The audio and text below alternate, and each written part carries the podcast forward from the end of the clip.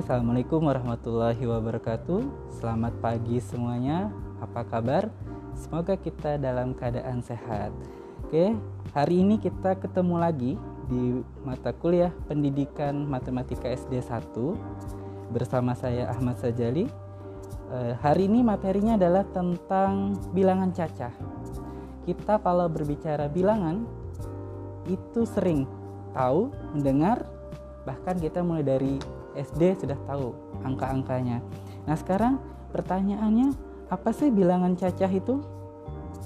Nah, di sini bilangan cacah adalah himpunan bilangan yang tidak negatif yaitu 0, 1, 2, 3 dan seterusnya. Dengan kata lain, himpunan bilangan cacah adalah bilangan asli ditambah dengan angka 0. Jadi, bilangan cacah harus bertanda positif himpunan bilangan cacah dilambangkan dengan huruf C.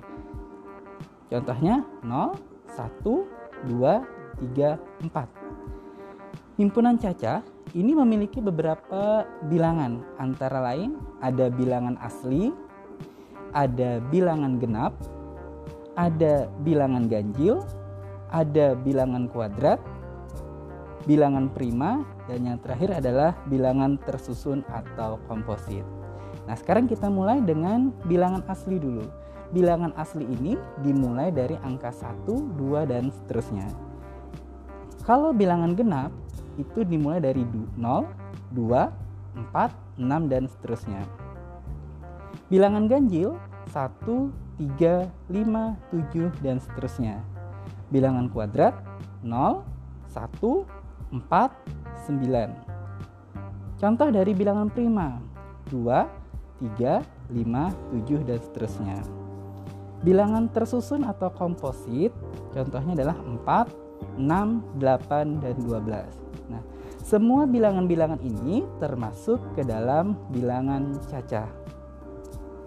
Adapun operasi bilangan cacah, yang pertama itu adalah penjumlahan, yang kedua pengurangan, yang ketiga perkalian, yang keempat pembagian. Nah, yang pertama kita mulai dengan penjumlahan. Penjumlahan ini dalam bilangan cacah ada beberapa sifat.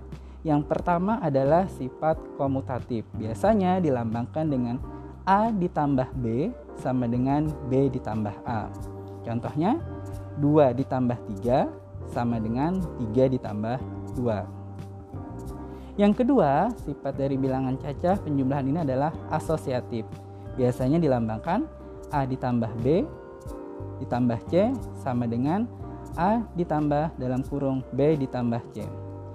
Kemudian yang ketiga, operasi bilangan cacah penjumlahan ini memiliki unsur identitas netral adalah 0.